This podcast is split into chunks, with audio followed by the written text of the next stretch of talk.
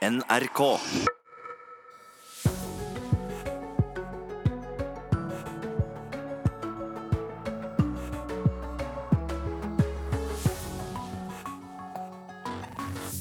Prisen på strøm kommer antagelig til å øke kraftig fremover. Nå ber Energi Norge-politikerne om å kutte elavgiften. Det er landesorg i Hellas. Til nå er minst 74 mennesker bekreftet døde i skogbrannen utenfor Aten. Vi har straks med oss vår korrespondent derfra. Og så har det kommet enda en bok om Donald Trump, denne gangen fra tidligere pressetalsmann Sean Spicer. Hvordan den boken blir mottatt får du høre om noen minutter. Her i Nyhetsmorgen med Ida Creed i studio. Ja, kraftprisen har økt voldsomt og er ventet å stige videre i andre halvår. Ifølge to prognoser slår de til, øker årets strømregning til en vanlig husstand med over 4200 kroner sammenlignet med fjoråret. Det er en økning på 22% Sjefen i bransjeorganisasjonen Energi Norge, Oluf Ulseth, ber politikerne kutte elavgiften på strømmen. Altså det vi har sett er jo en økning i elavgiften over flere år. Og over ti år så har elavgiften økt med 60% Sånn sett så kan vi si at politikerne har brukt noen år med lave kraftpriser til å øke elavgiften. Det blir jo en merbelastning for kundene, og i tillegg er det jo helt feil vei å gå når vi jo skal ha mer utslippsfri energibruk og mindre fossile brensler. Over en tredel av strømregningen er avgifter til staten, men milliardene fra elavgiften skal skaffe staten inntekter til veier, skoler, sykehus, forsvar og politi, samt redusere strømbruken. Det skriver statssekretær i Finansdepartementet Petter Kvinge Tvedt fra Frp til oss. Ifølge beregninger Energi Norge har gjort for oss, øker avgiftene på strøm til husholdningene med 1,8 milliarder kroner i år, sammenlignet med fjoråret. Beregningene er gjort ut fra prognoser om en økning i strømprisen på 30% i annet halvår i forhold til første halvår i år. For strømprisene er nå over dobbelt så høye som i fjor på samme tid, og det er lite vann å lage strøm av. Vi har en gjennomsnittspris på ca. 50 øre per kilowatt det siste halvåret i år. Hva gjør at prisen blir så høy? I hovedsak så er det hydrologien, altså at vi har veldig lite vann i magasin. Og så er det lave grunn- og markvannstander nå, som gjør at vi må importere mer. Og, og, vi må importere selv om prisen er høy. Normalt sett hadde vi hatt en normal situasjon, så ville vi jo eksportert. Bare et dobbelt høstregn kan normalisere strømprisen i høst og vinter, tror analytiker Odd Gunnar Jacobsen i Whatsite. Vi må nok ha en situasjon der vi har nesten en dobling av nedbøren over en periode for å få fylt opp i magasinene igjen. Vi må også huske at grunn- og markvannsonen er veldig lav, så den må også fylles opp igjen først. Strømregningen for en vanlig husstand kan øke med 22% dette året, hvis prognosene slår til. Det vil si over 23 000 kroner i år, som er over 4200 kroner mer enn i fjor. Også analyseselskapet Point Carbon følger utviklingen i strømpriser tett. De har en strømprisprognose for annet halvår, noen øre under Whatsites. Vi har en prognose for resten av 2018 som ligger tett opp mot 50 øre per kilowattime, som er høyt historisk sett. Det sier senioranalytiker Joakim Jensen. Og det skyldes at modellen vår er veldig aggressiv når det gjelder disponeringen av magasinene. Vi er villige til å gå ned til 16,5% som er den fyllingen vi hadde i 2011. Også da i en veldig tørr situasjon. Men du sier selvfølgelig det er en prognose beheftet med atskillig usikkerhet. Hva slags? Altså Faren er jo at, at, det blir enda tørrere enn det det er nå. Akkurat nå er hydrobalansen på vei litt opp igjen. Vi ser noen våtere varsler akkurat de siste dagene. Men selvfølgelig, hvis det blir verre enn det er nå, da kunne vi nærme oss en situasjon som vi ikke har sett på veldig mange år. Reporter Hedvig Bjørgum. Og da har vi fått i studio direktør i Forbrukerrådet, Randi Flesland. Velkommen. Takk. Hvem kommer til å rammes hardest av dyrere strøm? Ja, Det er jo selvfølgelig de sår, sårbare forbrukerne, de som har lite penger, vil jo kjenne dette godt på lommeboken. Men den største økningen i regningen vil jo være de store trekkfulle husene, selvfølgelig. Eh, så dette vil nok merkes, ja. Hvis det da blir en økning på 22% som disse prognosene øh, konkluderer med, hvor alvorlig er det? Ja, det er jo ikke kjempealvorlig i forhold til at eh, strømpriser i Norge er jo ikke akkurat høyest i verden. Men det vil jo merkes på den enkelte husholdning. Og man må jo da kanskje tenke litt annerledes. Vi i Norge er jo vant til å bruke mye strøm.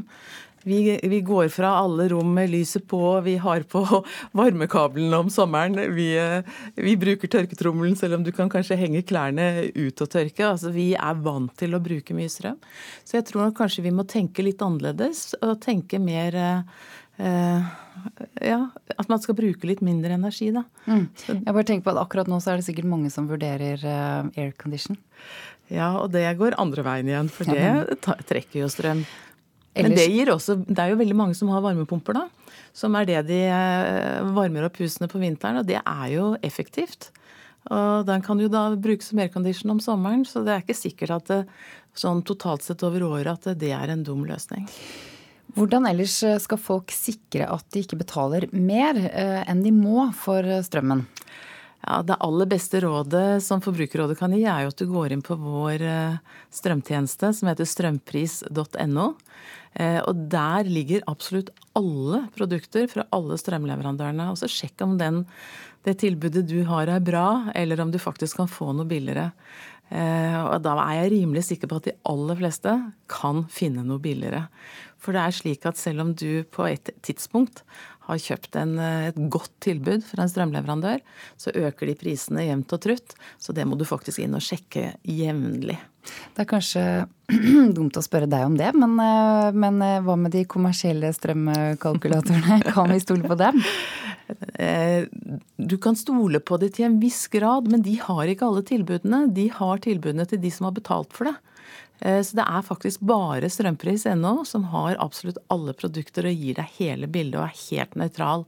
Og det som er litt viktig når du går inn og ser, og se etter hvilke kriterier er du opptatt av? Er du opptatt av vi, Skal du ha spotpris, eller skal du ha fastpris? Da må du gjøre de samme vurderingene som du gjør på boligrenta di. ikke sant? Flytende rente eller fastrente.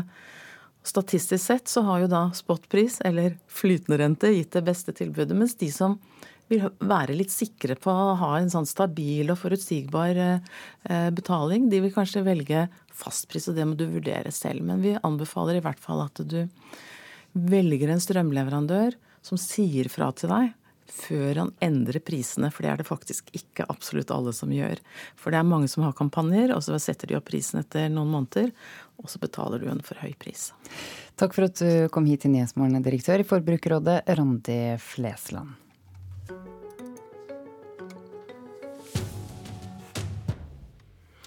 Det er landesorg i Hellas. Til nå er minst 74 mennesker bekreftet eh, døde i skogbrannene rundt Aten. Korrespondent Sissel Wold, du er i um, hovedstaden i Hellas. Hva skjer i de brannrammede områdene nå? Ja, I natt da vi dro derfra, så så vi mange militære, mange soldater, som gikk rundt for å lete etter uh, Eh, savnede. Eh, de gikk inn i utbrente hus, og de så også i de mange, mange utbrente bilene. Og det var mange grupper med frivillige. Eh, også noen dyrevernsaktivister som lette etter kjæledyr. og det det er, veldig mange dyr som også har blitt drept, eller som har dødd av disse flammene, men også mange som har rømt. det er mange her opptatt av. Eh, da vi dro i går eh, ved ett-tiden, så var alt mørklagt, for det er jo ingen strøm i dette området. Eh, og i dag fortsetter ryddingen, og det er nok mange som kommer tilbake for å se etter husene sine, eller det som er igjen. Har man da, eller I hvor stor grad tror du at man har fått oversikt over skadene nå? Nei, Det kommer nok til å ta lang tid. Eh, I går så ryddet man bort bilvrak først og fremst for å klargjøre veiene og rydde opp. Eh, det er 308 ingeniører eller spesialister som skal vurdere skadene i dag. Sissel, hva sier folk du har snakket med? Ja, En fotograf fra gresk TV fortalte i går at han kom ved nitiden om morgenen for å filme. Han så flere biler der hvor det satt eh, helt forkullede mennesker. Han så en hel familie som satt inne i én bil, som hadde prøvd å rømme, men som ble, over, eh, som ble eh, omringet av flammene. Og han så også en annen bil der en familie hadde prøvd å komme seg ut av bilen. Og også hunden deres var brent i hjel. Han var veldig preget av det. Ellers så har vi jo snakket med folk som har uh, mistet uh, sommerhusene sine. Og de sier at de har jo andre hus, men sommerhuset var uh, deres store Ja, om ikke kjærlighet, så var det et sted hvor de pleide å dra til i weekender og helger. Og mange har jo ikke råd til å, å bygge det opp igjen, og de vet ikke om de får noen erstatning. Men de fleste er jo helt slått ut av at dette skjedde så fort. en av de som kom tidlig på stedet, fortalte at Alt brant i løpet av bare 30 minutter, så ble hele dette store området totalt ødelagt og forkullet. Og så mange mennesker omkom. Hva sier og gjør greske myndigheter nå? Ja, Statsminister eh, Alexis eh, Tsipras eh, vil ikke si hvor mange som er savnet. Også myndighetene sier ikke noe om tall, for de venter fremdeles på en slags oversikt over hvor mange Eh, venner og slektninger savner. Eh, folk bes om å ringe et telefonnummer 199 for å melde fra. Eh, vi hører om en far for eksempel, som har etterlyst to tvillingdøtre på ni år. Han mente at han så dem på gresk TV, at de var om bord i en fiskebåt som tok opp folk fra sjøen. Men han vet ikke, så det er mange historier som dette. Og det kommer sikkert flere i løpet av dagen av familiemedlemmer som leter etter hverandre. Får eh, Hellas eh, mange tilbud om hjelp nå? Ja, EU har sagt at de vil hjelpe med alt de kan. Og i tillegg så har Kroatia tilbudt eh, fly. For det flyr fremdeles brannfly over området for å passe på at ingen gnister antenner nye branner. Eh, de drev også og sluknet småbranner i går. Eh, Tyskland har tilbudt hjelp, og Spania har tilbudt hjelp. Så det er nok av hjelp her. Og så I tillegg kommer det mange frivillige grekere for å hjelpe sine landsmenn. Takk til deg, korrespondent Sissel Wold, med fra Aten.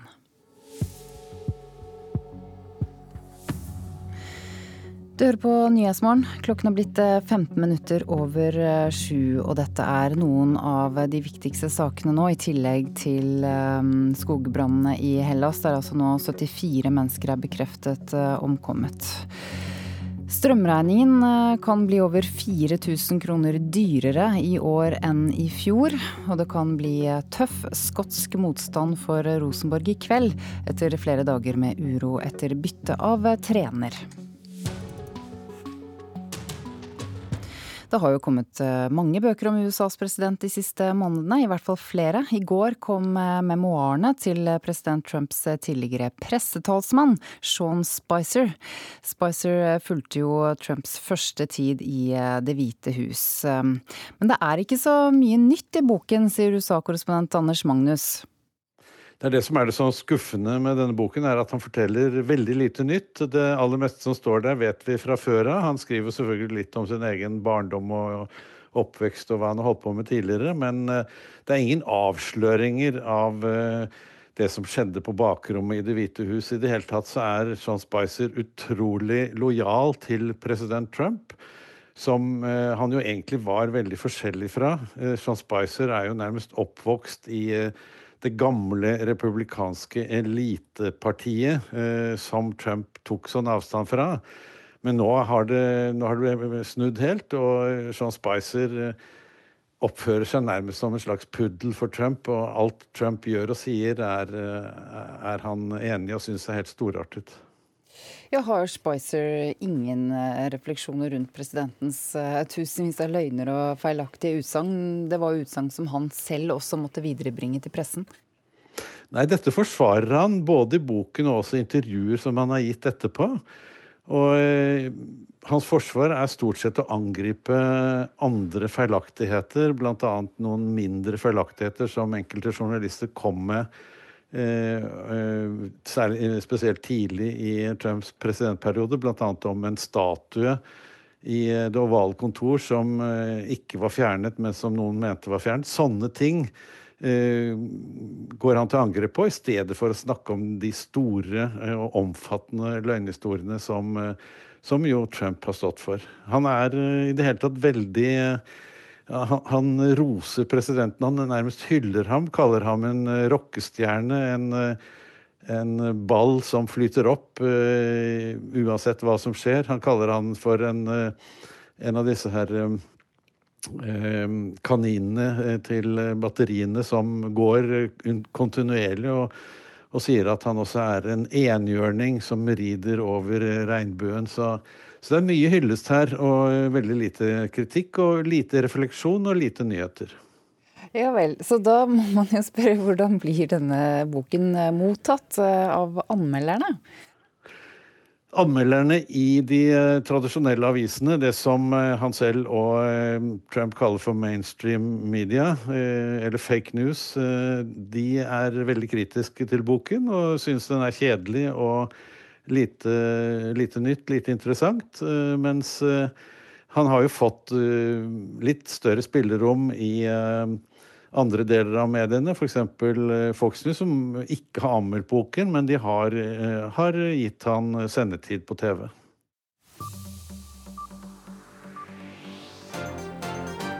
Dette skjedde i natt. Greske myndigheter ber folk om å ringe inn og melde fra om savnede, men har foreløpig ingen oversikt over hvor mange som kan ha dødd i brannene rundt Aten. Så langt er 74 mennesker bekreftet omkommet, men eh, de frykter at tallet kommer til å stige enda mer. Donald Trump sier nå han vil eh, foreslå for EU at begge parter dropper ekstratoll og blokader. Da vil en endelig kunne kalle det en fri marknad og en rettferdig handel, skriver den amerikanske presidenten på Twitter.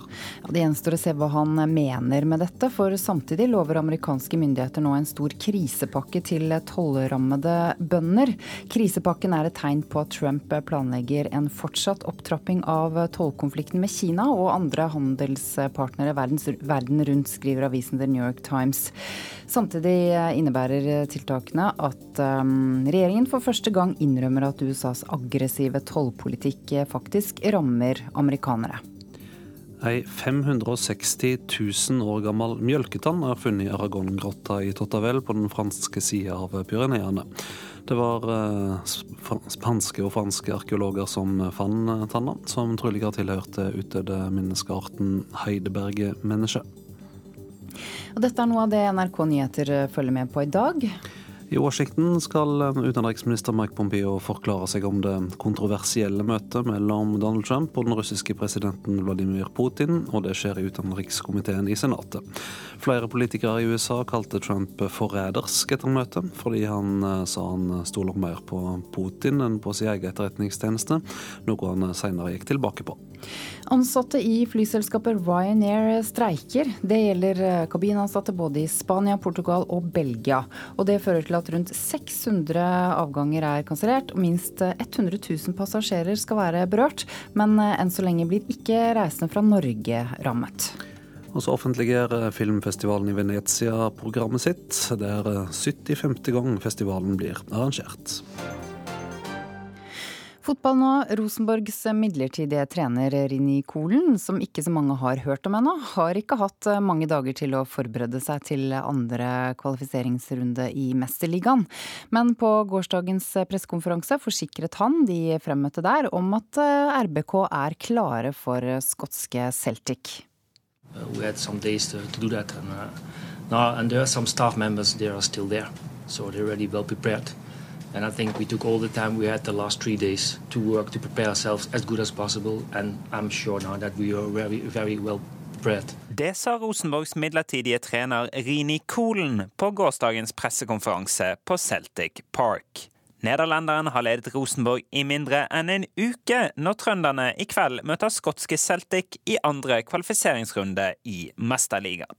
NRKs fotballekspert Morten Skjønsberg tror ikke Rosenborgs oppladning til kampen har vært ideell. Uansett en vanskelig kamp for Rosenborg. Og jeg tror jo ikke det var noe kjempefordel at det ble så mye bråk før denne kampen. I hvert fall når spillerne var så uenige i sparkingen som de har gitt uttrykk for. For Rosenborg-spillerne ga i en pressemelding de sendte til NTB uttrykk for at de var monumentalt uenige i avgjørelsen om å gi Kåre Ingebrigtsen og Erik Hoftun sparken. Spillernes støtte til Ingebrigtsen byr på en ekstra utfordring for Kolen, tror Skjønsberg. I hvert fall når han vet at spillerne helst ville hatt eh, Kåre Ingebrigtsen fortsatt som uh, trener. Men uh, man får jo håpe på at han har brukt disse dagene godt. og gjort sine tanker kjent for spillerne. Og at eh, han bringer inn noen nederlandske gode og nye ideer for Rosenborg-gutta. Da Rosenborg møtte Celtic i Mesterligaens tredje kvalifiseringsrunde for ett år siden, endte oppgjøret i Skottland 0-0, før Celtic vant 1-0 i Trondheim. RBK-kaptein Mike Jensen sier at det er Celtic som innehar favorittstempelet før kveldens kamp. We were played Europa League last year. They played the Champions League. They beat us last year. If you compare the clubs, obviously Celtic is a, it's a bigger club, and now at least the first game is is here, Celtic Park, Park, and that's an advantage for them. But we will play our chance, and we are really looking forward to give them some competition. Det sa Rosenborg-kaptein Mark Jensen. Oppgjøret fra Glasgow hører du på NRK Sport i kveld fra klokken 20.45. Reporter i dette innslaget var Alexander Losnegård. Som leder av Stortingets transport- og kommunikasjonskomité har Helge Orten stor innflytelse på hvilke veier som blir bygget her til lands. Høyrepolitikeren fra den lille kystkommunen Midtsund i Møre og Romsdal har kullsviertro på um, at alliansebygging gir resultater.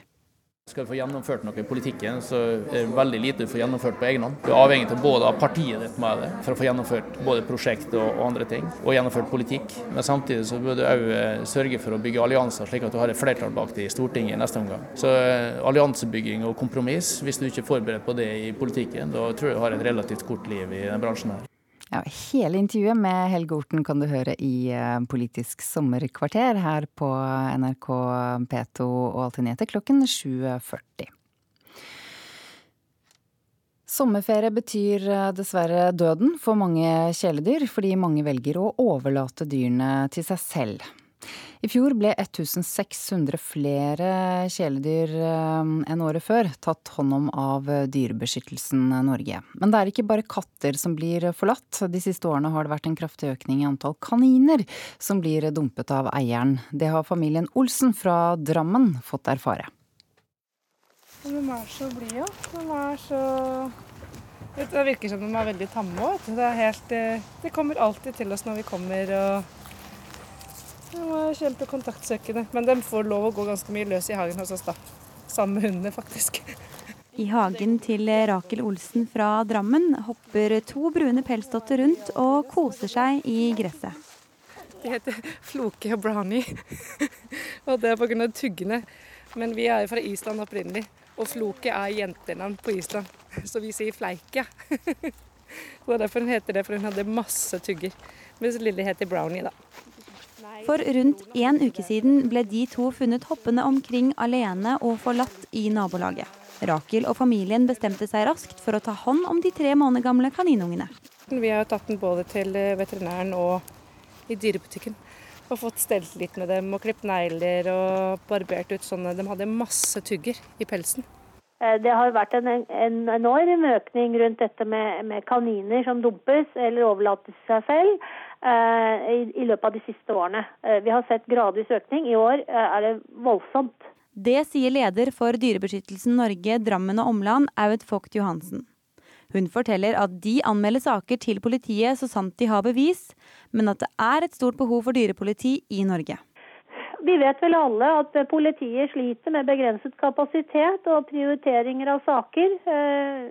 Veldig, de gjør så godt de kan. Hvis ikke saken er nærmest eh, klar og opplest, at du, har, du vet du kan peke på den skyldige, så er det nok litt vanskelig å få, få straffet folk. I fjor fikk 1600 flere kjæledyr hjelp sammenlignet med året før. Det viser tall fra Dyrebeskyttelsen Norge. Johansen poengterer at dumping av kjæledyr er straffbart og kan føre til fengselsstraff. Det er strafferamme på opptil tre års fengsel på å sette dyr i en situasjon hvor de kan fare for å komme til lide, som det heter. Eh, altså det, du har ikke lov til å sette dyr i en situasjon hvor de kan komme til å bli utsatt for lidelse. Eller død i mange tilfeller. De første dagene hun var her, så var det veldig slapp. Så bare lå og var trøtt. og som er et tydelig tegn på at du er utmatta og du ikke har fått i deg noe næring. og sånn da. Hun var egentlig i faresonen, sa veterinæren. Hun er, og hvis du kjenner på, så er hun veldig, veldig veldig tynn. Du merker det med en gang hun tar på hun lille her, at hun er jo bare skinn og bein. Så det kunne jo gått fryktelig gærent. Hun kunne jo absolutt dødd både av sult og uten væske, altså alt. Og hun er jo liten. Det har gått bra med de to små kaninungene i Drammen. Og foreløpig skal de bo hos familien Olsen til over sommeren. Og det er ingen tvil om at de har kommet til den rette familien. Vi tuller litt med det, selv om det er et, det er et dødsalvorlig tema, faktisk. Men vi har tulla litt med det, for vi lurer på om det går noen sånne rykter i, i husløse dyrmiljøet her på, i Norge generelt. For vi, det er ikke første, og det er ikke andre gangen, og det er heller ikke tredje gangen vi tar på oss husløse dyr. Så hvis ikke jeg hadde hatt mannen min her, så hadde jeg vel hatt en større dyrepark enn Kristiansand dyrepark. Ja, det sa til slutt Rakel Olsen. Reporter var Kristina Julsen. Det kan bli eh, veldig mye veps i august, sier seniorforsker Frode Ødegård ved Norsk institutt for naturforskning til NTB. Varmen har nemlig ført til eh, gode forhold i vepsebolene. Ødegård kommer med et råd. Han sier eh, folk bør holde seg rolige rundt veps. Og dessuten unngå å drikke øl og brus fra bokser ute, for vepsene kan krype ned i boksene og stikke i halsen. Kan være farlig. Du hører på Nyhetsmorgen på DAB pluss på nettet eller på mobilen. Nå er Vidar Eidhammer klar til å gi deg Dagsnytts hovedsending 7.30.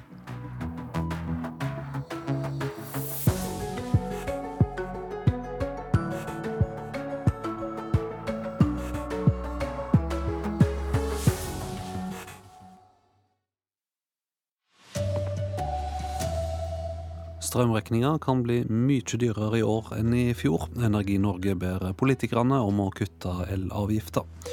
Landesorg i Hellas. 74 mennesker til nå funnet døde etter skogbrannene. Utenlandske pressefolk blir frakta inn til Preikestolen for å overtyde verden om at den ikke ligger i Kashmir.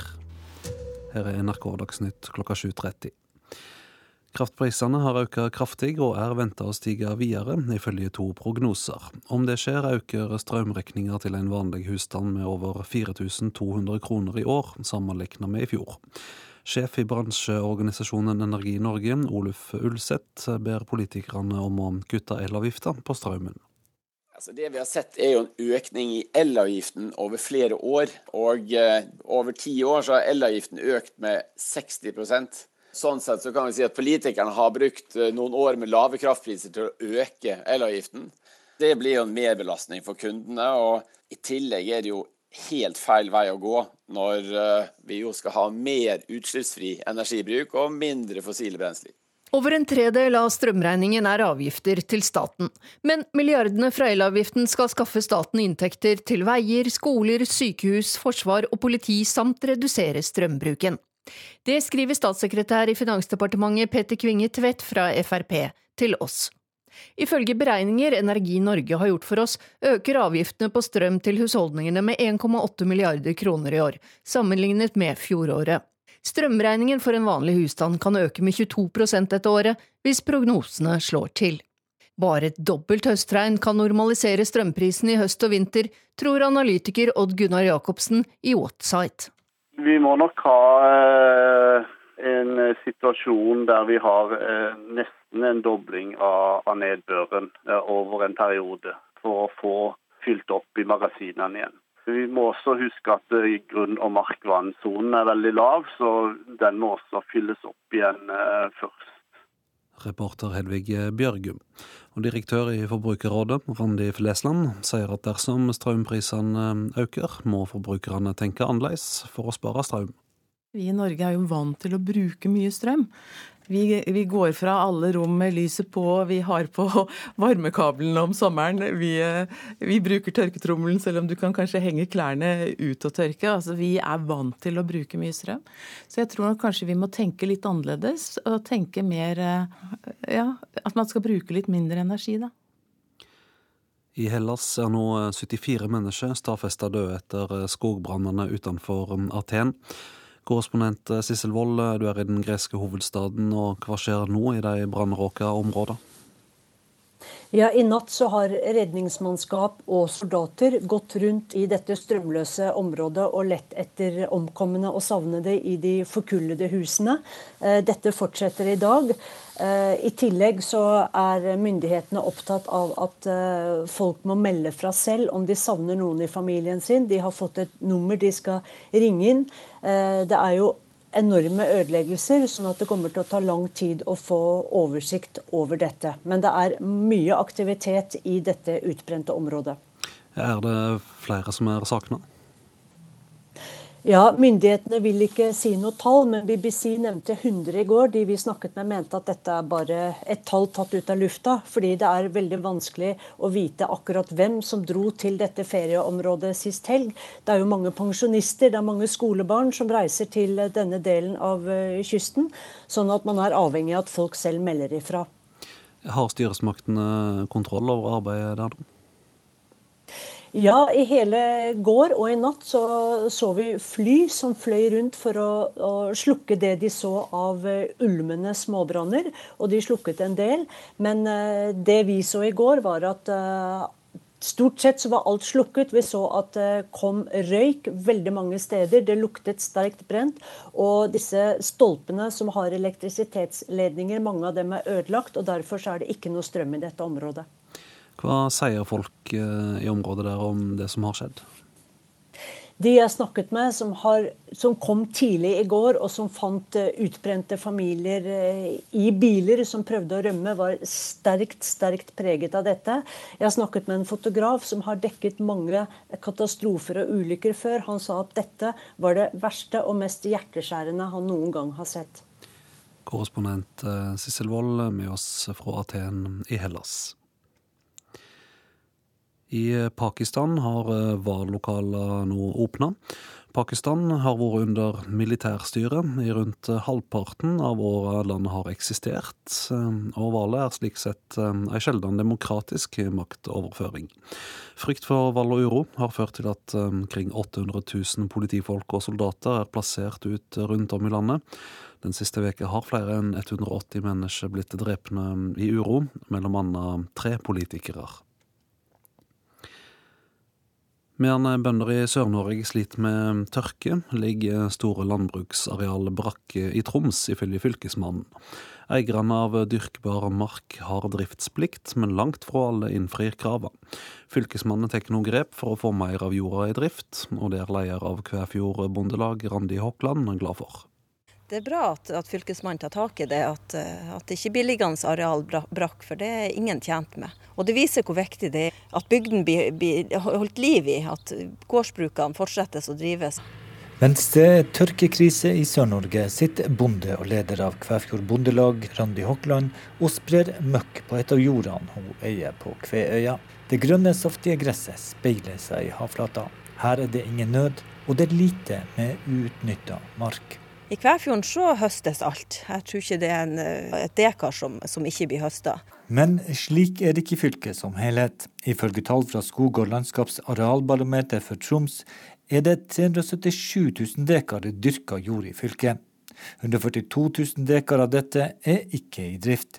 Et areal som tilsvarer rundt 13 000 fotballbaner. Det er jo en utfordring fordi at eh, vi gjerne vil ha landbruk også på våre kanter. Det sier landbruksdirektøren i Troms, Berit Nergård Nyre. Så er det også en plikt. Den som eier dyrka mark, har en plikt til å besørge at den blir dreven. Og til høsten vil landbruksavdelinga sette i gang et prosjekt for å få mer av jorda i drift. Det er så lett å tenke at det er ikke så farlig med den lille lappen der, og det er ikke så farlig med de kantene der, og det betyr ikke så mye. Men når eh, ekstreme situasjoner slår inn, sånn som nå, så betyr faktisk eh, hvert eneste strå. Og hvis vi kan, i Nord-Norge kan være med og bidra til å løse en fòrmangel i Sør-Norge, så er det kjempefint.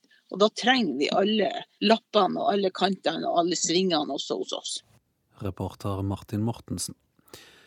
Pressefolk fra mange land blir frakta inn til Preikestolen i Rogaland når filmen Mission Impossible blir vist på toppen av fjellplatået i neste uke. Reiselivsnæringa voner det da vil komme tydelig fram at Preikestolen er norsk, og ikke at den ligger i Kashmir, slik det framstår i filmen.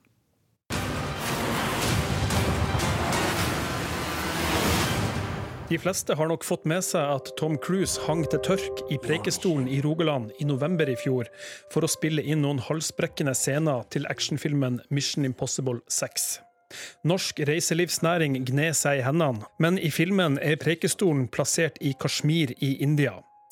Nå tar norsk reiselivsnæring grep for å gjøre det klart for alle at fjellmassivet er helnorsk. Vi har invitert eh, internasjonale medier fra forskjellige land Eh, til å delta på eh, en, den norske førpremieren som skal være på selveste Prekestolen.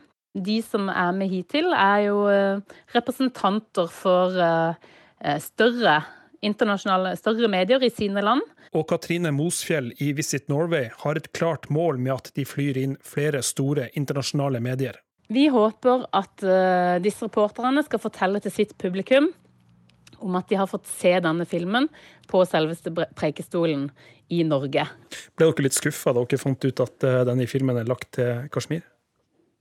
Nei, vi er eh, det vet vi kan skje. 'Ringenes herre' skjedde heller ikke på New Zealand, men likevel så vet alle at det eh, var der filmingen ble gjort. Katrine Mosfjell i Visit Norway, reporter Oddvin Aune. Én av fem nordmenn er skeptiske til kristne. Det syner tall fra Integreringsbarometeret, skriver Vårt Land. Tallet er eh, tre prosentpoeng høyere enn for fem år siden. Religionssosiolog Ida Marie Høeg sier til avisa at mange forbinder det å være kristen med å være konservativ og intolerant overfor andre. Og Førsteamanuensis i religionssosiologi, Irine Trysnes, mener også at media er med på å bygge opp stereotypier om kristne. Ansvarlig for eh, sendinga Marianne Løkkevik, i studio Vidar Eidhammer.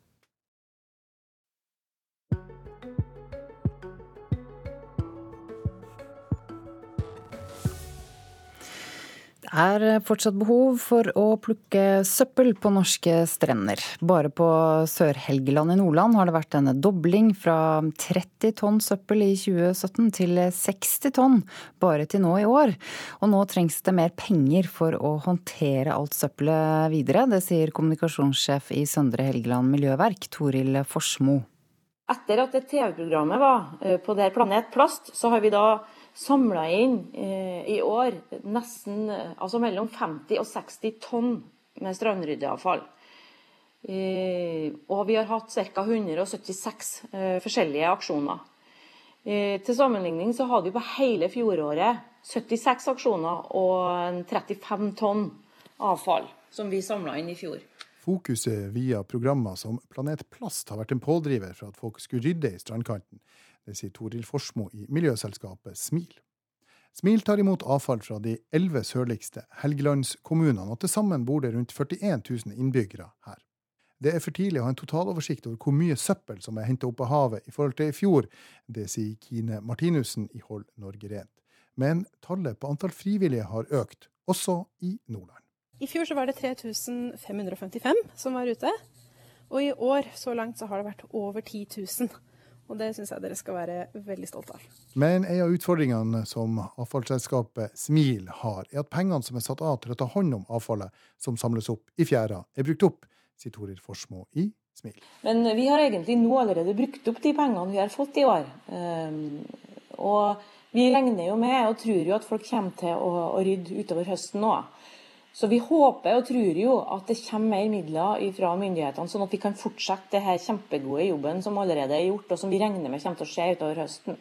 Klima- og miljøminister Ola Elvestuen sier dette om at eh, avfallsselskapet Smil sier de snart ikke har mer penger igjen til å ta imot marint avfall.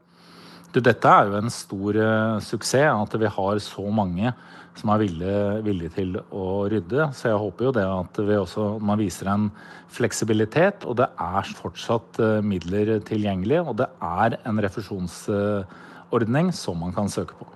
Det sa til slutt eh, klima- og miljøminister Ola Elvestuen fra Venstre. Reporter var Martin Steinholt. Og fra søppel i nord skal vi til søppel i sør. Innbyggerne i Arendal, Grimstad og Froland i Aust-Agder er best i landet på sortering av plastavfall, etter at renovasjonsselskapet Agder Renovasjon innførte nye dunker for sortering av søppel i fjor, har mengden innsamlet plast økt med 24 Til sammen gikk eh, over 64% av alt avfallet som ble samlet inn til gjenvinning av nye produkter. Og det er daglig leder Anita Aanonsen Jernquist eh, fornøyd med. Ja, Det har vært eh, formidable resultater. Vi er superfornøyd. Eh, innbyggerne har vært veldig flinke og fulgt systemet som vi har lagt opp til. Så det her er vi strålende godt fornøyd med, at det er blitt så gode resultater på ny ordning. Anita Aanonsen Jernquist i Agder Renovasjon trodde knapt sine egne øyne da hun så resultatene av innsamlet avfall for 2017. Mengden innsamlet mat- og hageavfall har økt med 40% og plastemballasje med 24% De fleste ønsker å gjøre så godt de kan ut ifra det avfallsmengden de har hjemme. Så, så, det er jo en helhetlig samarbeid mellom oss innbyggerne og renovatøren som, får, som gir disse resultatene. Ifølge Jernquist er innbyggerne i de tre kommunene Arendal, Grimstad og Froland spesielt gode på å sortere plastemballasje faktisk suverent best i landet, forteller Kari Lill Jøstad, som er kommunikasjonssjef i Grønnpunkt Norge, som samler inn og sørger for gjenvinning av all plastemballasjen i landet. Eh, snittet for landet ligger på 6,8 kilo per innbygger. Eh, og i Agder Renovasjon så ligger det på hele 13,9. Så det er altså dobbelt så mye som landsgjennomsnittet. Um, og det skyldes jo en god returordning, ikke minst. Eh, det er jo fortsatt en del uh, områder uh, i Norge som har uh, bringeordning eller en vanskeligere returordning. og det skyldes jo også veldig god informasjon og godt system fra Agder Renovasjon. Det er altså liten tvil om at innføringen av nytt avfallssystem i de tre kommunene har fungert godt. Totalt har mengden restavfall sunket med 13% og det er veldig godt nytt for renovasjonsselskapet.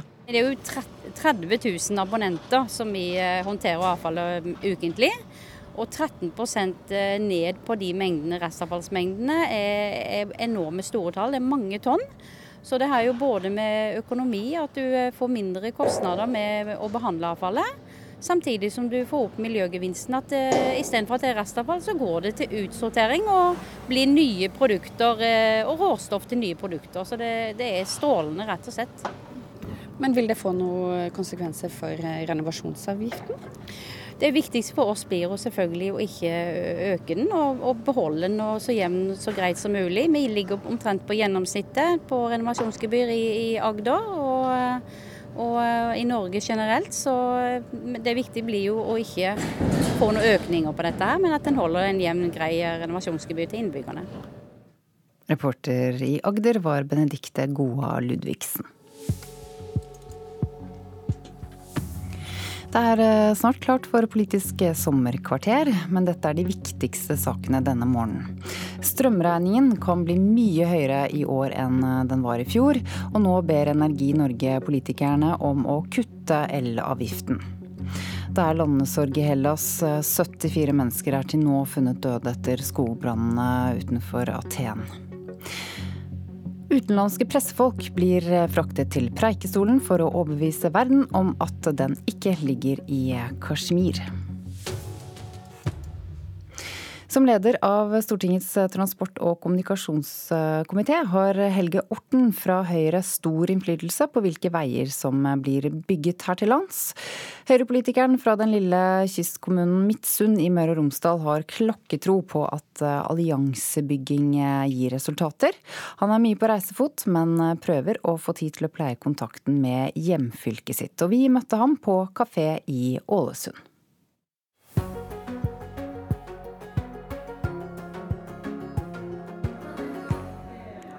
Hvor lang ferie tar du? Nei, I år så er det mellomvalgsår, så da tenkte jeg skulle ta litt ferie. Så, sånn fire-fem uker, tenker jeg. Men eh, det blir jo ikke helt fri, da. Bare være politiker er en livsstil, og, og slik sett så må jeg jo alltid eh, holde meg oppdatert. Hvor ofte sjekker du jobb-e-posten din når du har ferie? Altfor ofte. Nei, det er nok eh, daglig, ja. Men jeg prøver å begrense det litt da når jeg har ferie, slik at jeg tar kanskje en tidlig økt på morgenen og sjekker e-post og eventuelt ser om det er noe jeg må følge opp, og så prøver jeg å la det ligge resten av dagen. Syns du det er greit å gå i shorts på jobben? Nei, jeg gjør ikke det. altså. Men det er kanskje litt sammenheng med at eh, som stortingsrepresentant så er det litt med den eh, respekten jeg mener vi skal ha for eh, nasjonalforsamlinga. Og, i, og i, i, møte med folk som kommer inn for å snakke med oss, eller i stortingssalen, og sånn, så passer det seg ikke med shorts etter min oppfatning. Du er utdanna siviløkonom. Du begynte å jobbe i det private næringslivet i hjemkommunen Misund, og så ble du politiker. Hvorfor det? Nei, Det ene tar litt det andre. da. Jeg jobba som økonomisjef i et fiskeriselskap i tolv år. Det var en utrolig spennende tid, lærerik tid, og jeg fikk oppleve veldig mye. Og Så kommer det til et punkt der du kanskje føler at du trenger litt andre utfordringer. Så sa jeg ja til å stille som ordførerkandidat i hjemkommunen min. Og det har jeg ikke angra på et sekund. Jeg ble jo ordfører, da. Det var det som var litt eh, Kommer kanskje litt overraskende, det òg, men, eh, men eh, når jeg først sa ja til å stille, så gjorde jeg det skikkelig. Og så går du all in og satser og gjør en skikkelig innsats på det du blir, det du blir valgt til. Og de åtte åra som ordfører det lærte meg utrolig mye om samfunnsoppbygging, om eh, viktigheten av å ha det rammeverket omkring for innbyggerne. Med gode basistjenester og det å være med å utvikle en liten kommune og prøve å få folketallet til å liksom gå opp. og Det å gjøre denne jobben der og bidra i den samfunnsbygginga der, det syns syns det var utrolig spennende. Har det vært en drivkraft for deg? Samfunnsbygging? Ja, absolutt. Hvis du ikke har det som drivkraft i politikken, så tror jeg, tror jeg har feil inngang til det. For det er jo egentlig det det handler om. Det handler om å være med å bygge det samfunnet du er du er født inn i, og som skal overlates til neste generasjon. Så det å ha et langsiktig perspektiv på det, et generasjonsperspektiv på det, og det å få lov å være med og bygge samfunnet du er en del av, det ser jeg på som et veldig privilegium. Og da ble du samferdselspolitiker? Ja, det er, i Møre og Romsdal så er ikke det noen veldig uvanlig kombinasjon. Da. Men det, klart infrastruktur er viktig, på lik linje med en del masse andre ting som er viktig i politikken. men det det med å sørge for en god infrastruktur har alltid vært, har alltid vært viktig for meg. Ja, hvorfor det? Nei, for jeg tror det er et av fundamentene du skal bygge et godt samfunn på. Nemlig at vi, bygger samfunnene sammen. Du bygger kortere avstander mellom folk. Du, du knytter regionen sammen, bygger større bo- og arbeidsmarked. Sørger for at folk kan ha en god hverdag. For å ha attraktivitet nok for unge som ønsker jobb, så gjelder det å bygge sterke regioner i hele Norge. Det er litt av motivasjonen min for å drive med samferdsel på det planet jeg gjør nå. Da. Det er jo at jeg ønsker å være med å bygge hele landet være med å bygge sterke regioner der verdiskapinga skjer. Helge Orten, du leder eh, transport- og kommunikasjonskomiteen på Stortinget. Hvor mye makt har du? Ja, Det er et godt spørsmål. Altså, jeg tenker ikke på makt som noe som er noe veldig personlig for meg. Jeg tenker mer på muligheten for å faktisk ha innflytelse. Muligheten til å få gjennomført ting. Eh, gjennomføre den politikken som vi har gått til valg på. I politikken så er det sånn at du er sjelden makt alene. Du er nødt til å skape allianser, altså bygge allianser, skaffe flertall for de sakene du tror på. Så Sånn sett så syns jeg begrepet innflytelse er bedre. da. Du liker ikke ordet makt? Nei, av og til så blir det forbundet med negative ting. Altså, Jeg skjønner jo det at jeg har jo makt til å påvirke. Det å ha innflytelse, det å ha muligheten til å være med og påvirke beslutninger i den retninga som du, du, ønsker at det skal gå. Ok, Ikke makt, men innflytelse. Har du stor innflytelse? Ja, jeg har jo det. I kraft av den rolla jeg har nå, i kraft av å være leder av transport- og kommunikasjonskomiteen, så har jeg stor innflytelse innenfor det området. Men igjen så må den innflytelsen utøves i samarbeid med andre. Da. Og Vi er avhengig hele tida av å skaffe oss et flertall for det som vi skal gjennomføre. Så har vi gått til valg på et partiprogram. Vi har ei eh, eh, regjeringsplattform som vi skal forholde oss til. Vi har et samarbeid i Stortinget og de partiene som f.eks. står bak Nasjonal transportplan. Vi har et samarbeid inn mot regjeringsapparatet. Så det er klart at det, er mange allianser å, å, bygge på. da. Men når du skal prøve å påvirke Kjetil Solvik-Olsen, hva gjør du da? Ja, vi har jo eh, jevnlig dialog mellom eh, Stortinget, de tre regjeringspartiene på Stortinget og statsråden eh, og hans eh, politiske ledelse. Sånn at vi er ukentlig møter der vi går gjennom saker, der vi diskuterer oss fram til løsninger hvis det er behov for det. For oss i Stortinget så gjelder det å prøve å påvirke gjennomføringa i en tidlig fase, slik at vi er sikre på at vi både har flertall for det vi skal gjennomføre i Stortinget, men òg for gjort det på en sånn måte at det er gjennomførbart. Skal du ha innflytelse, så må du oppnå den før den kommer til Stortinget? Ja, både og, da. Men, men altså klart, eh, så lenge vi sitter i posisjon, har partiet i regjering, vi styrer gjennom eh, den jobben vi gjør i regjering, så er det klart at det er viktig for oss å være inne i en tidlig fase. Diskutere med statsråden og med regjeringa på de løsningene som vi skal, altså det vi skal gjennomføre. Og sørge for at vi, vår, kanskje vår viktigste jobb er, da etter at vi på en måte har fått diskutert oss gjennom det i forkant, sørge for at vi greier å skaffe oss et flertall for det i Stortinget i neste runde.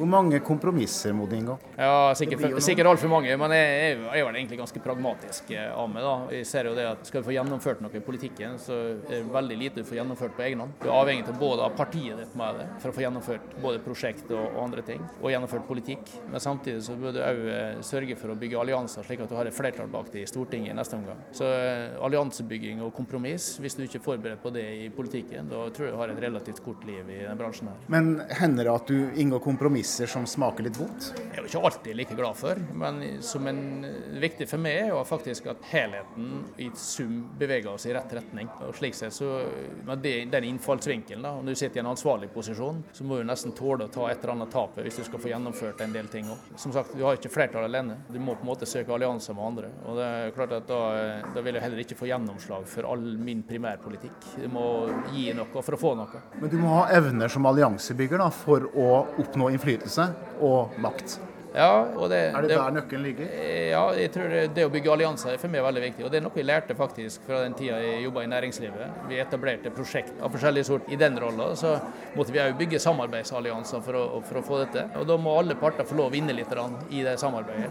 Og det, det samme har jeg egentlig tatt med meg inn i politikken. Altså, alle sammen må ha sine seire og sine sine kompromisser man gjør for å på en måte bevege politikken i rett retning. Da. Og Det er litt sånn tap og vinn, med litt med samme sinn, og da blir du litt pragmatisk over tid da, når du tenker sånn. Samtidig som det går en grense for meg hva jeg kan være med på som eh, verdikonservativ. Men Det lærte du i den første jobben din? Ja, faktisk. Jeg må innrømme at jeg hadde, jeg hadde, en, hadde en, veldig god mentor i han som var min sjef den gangen, som lærte meg verdien av å bygge allianser. Hvor mye pågang eh, og press får du fra folk flest og lokalpolitikere?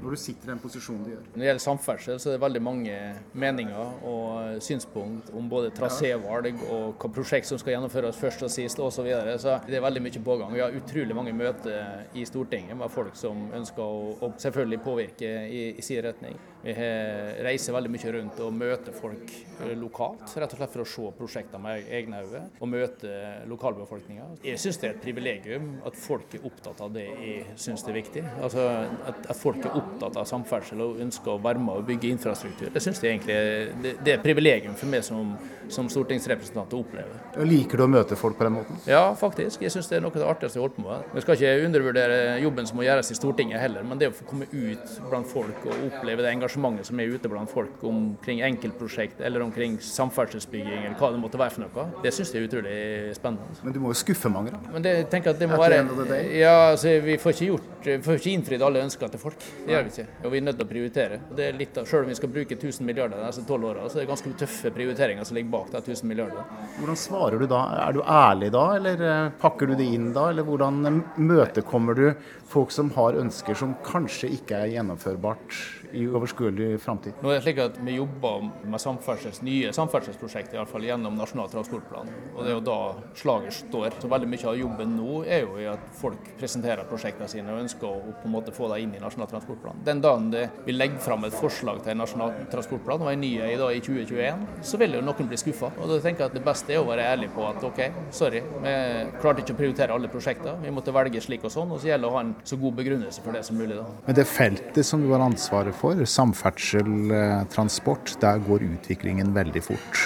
Eh, hvor krevende er det å se inn i glasskulen og skjønne hvordan verden ser ut om 20-30 år? Ja, jeg syns det er kjempevanskelig. Vi er inne i en uh, situasjon nå der teknologien endrer seg veldig raskt. Og er ofte veldig positivt, for det gir nye muligheter. Nye muligheter til å skape en helt ny transportsektor. Vi, vi er opptatt av å bidra til nullutslippsløsninger i transportsektoren.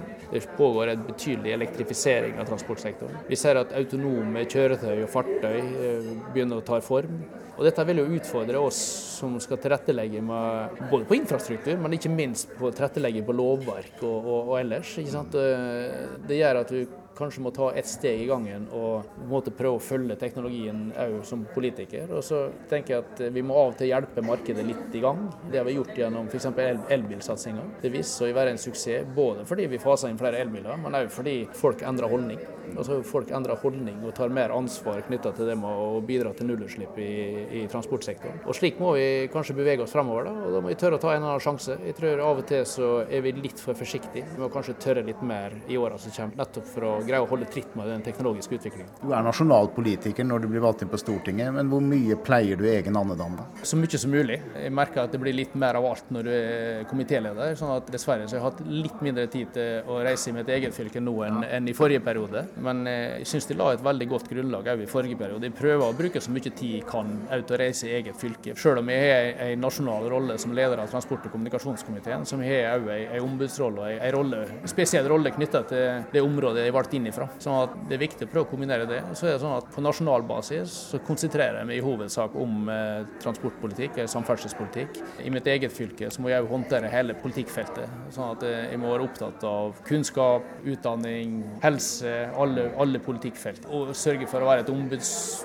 person for innbyggerne i Møre og Romsdal på, på, hele politikkområdet. Men Kjenner du presset fra hjemfylket? Ja, ja, ja. Og derfor er det viktig at jeg å fortsette å bo i eget fylke. Jeg bor ute på Misund og jeg trives veldig godt med det. Reiser hjem så ofte jeg kan. Av og til så bruker jeg å si at noen får lure på hva det viktigste jeg gjør på Stortinget. Det er å komme hjem igjen og kjenne på pulsen i mitt eget fylke. Og det, det mener jeg faktisk. For jeg, jeg, tror at det at vi er valgt inn fra forskjellige deler av landet, har en egenverdi i å faktisk at vi skal representere hele Norge. Og Da er det viktig at de greier å representere Møre og Romsdal på en god måte. Men du blir jo sulten på mer, da? Ja, akkurat nå så er jeg veldig fornøyd med det jeg holder på med. Jeg har alltid hatt den leveregelen at det er smart å ha full fokus på den jobben du er satt til å gjøre. For meg så har det åpna seg nye dører, så jeg har fått muligheten til å si ja eller nei til å gå gjennom. Men flere av forgjengerne dine som leder i denne komiteen har jo steget i gradene. Har du ambisjoner om å stige gradene i Høyre? Nei, det tar, ta som det kommer i tilfelle. Når jeg er i politikken, så tror jeg at eh, og hvis du ønsker å ha innflytelse, da, så tror jeg det er viktig å prøve å ta de utfordringene du får, hvis du får dem. Men det handler egentlig om hardt arbeid stort sett hver dag. Sørge for å gjøre den jobben du skal, sørge for å